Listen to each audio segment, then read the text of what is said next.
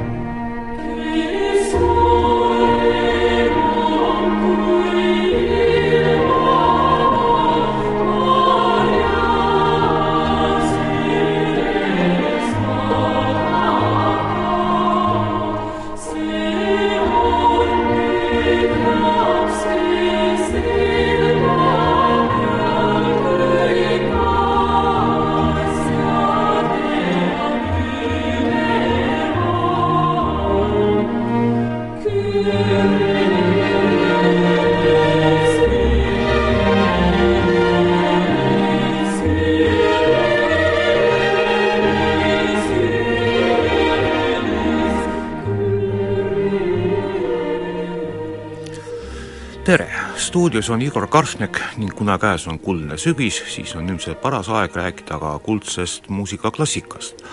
aga miks mitte ka sellisest muusikast, mis varsti kõlab küll Eesti esiettekandes, kuid millest tulevikus võib muusikaklassika kujuneda.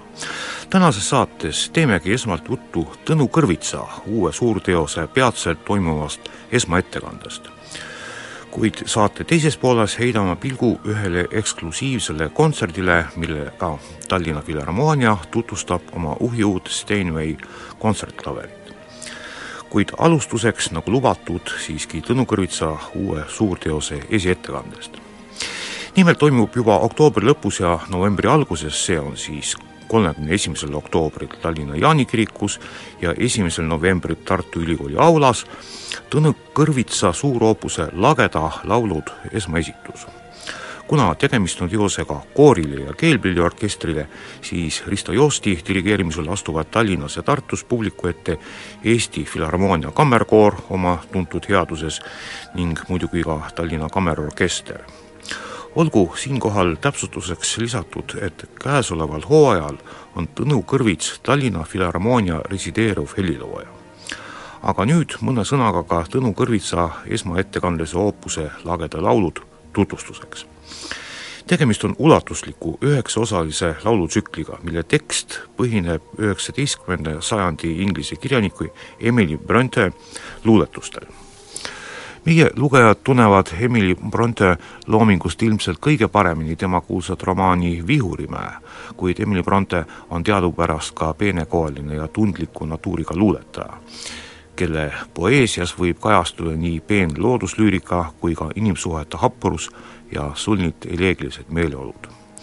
Ning Tõnu Kõrvitsa peatselt esiettekandele tuleva laulutsükli Lageda laulud jaoks valis Emily Bronte luuletekstid välja ja ka tõlkis meie kõrgelt hinnatud esipoetes Doris Kareva.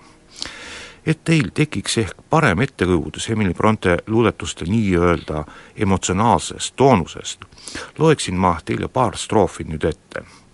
tule, ehk ealeski enam tuul meile nõnda ei puhu kui nüüd, tähed särada iial nii selgelt ei pruugi kui praegu.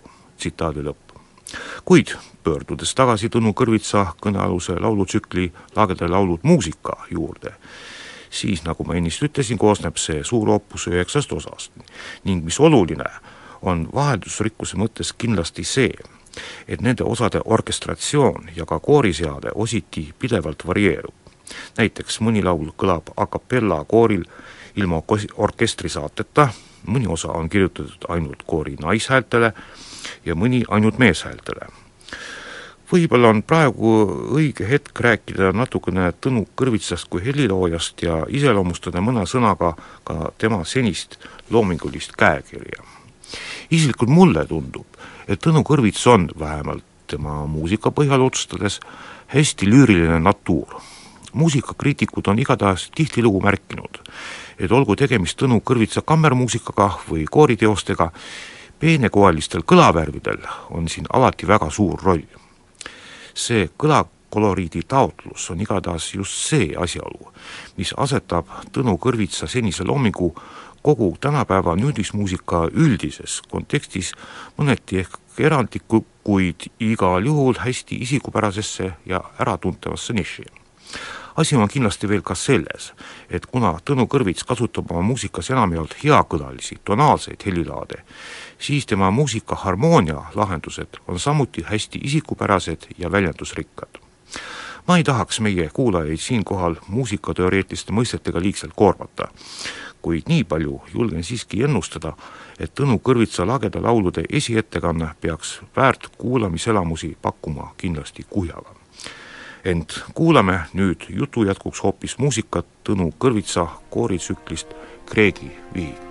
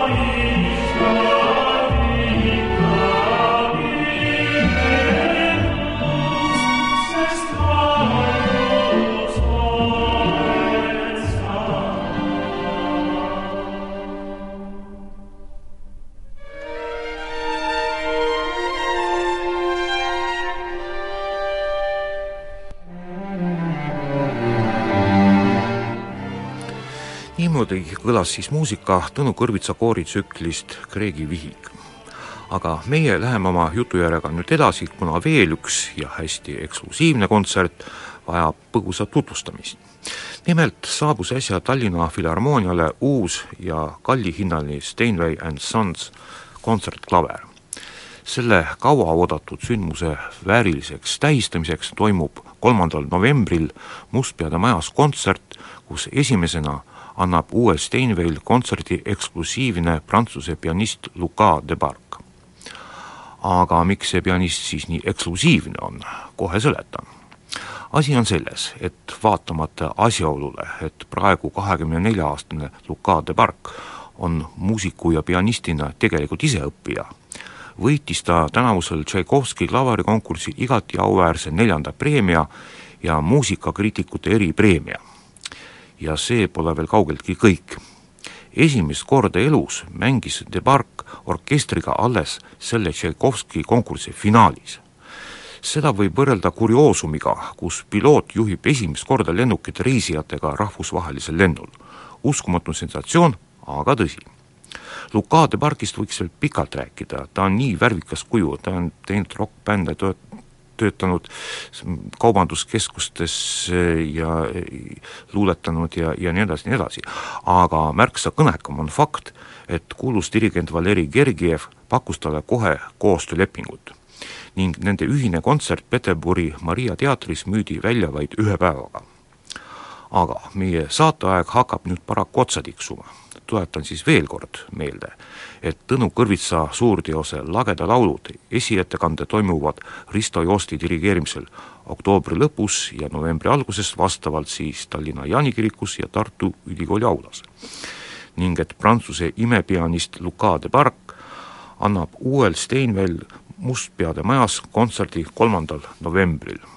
muuseas, tema klassikalise kavaga kontserdipiletid on müügil juba alates sellest neljapäevast, aga vaadake ise täpsemalt järgi Tallinna Filharmoonia kodulehel www.filharmoonia.ee. stuudios oli Igor Karšnek ja meie saadet jääb lõpetama Luka de Barki musitseerimine. kõlab Maurice Ravelli klaverimuusika.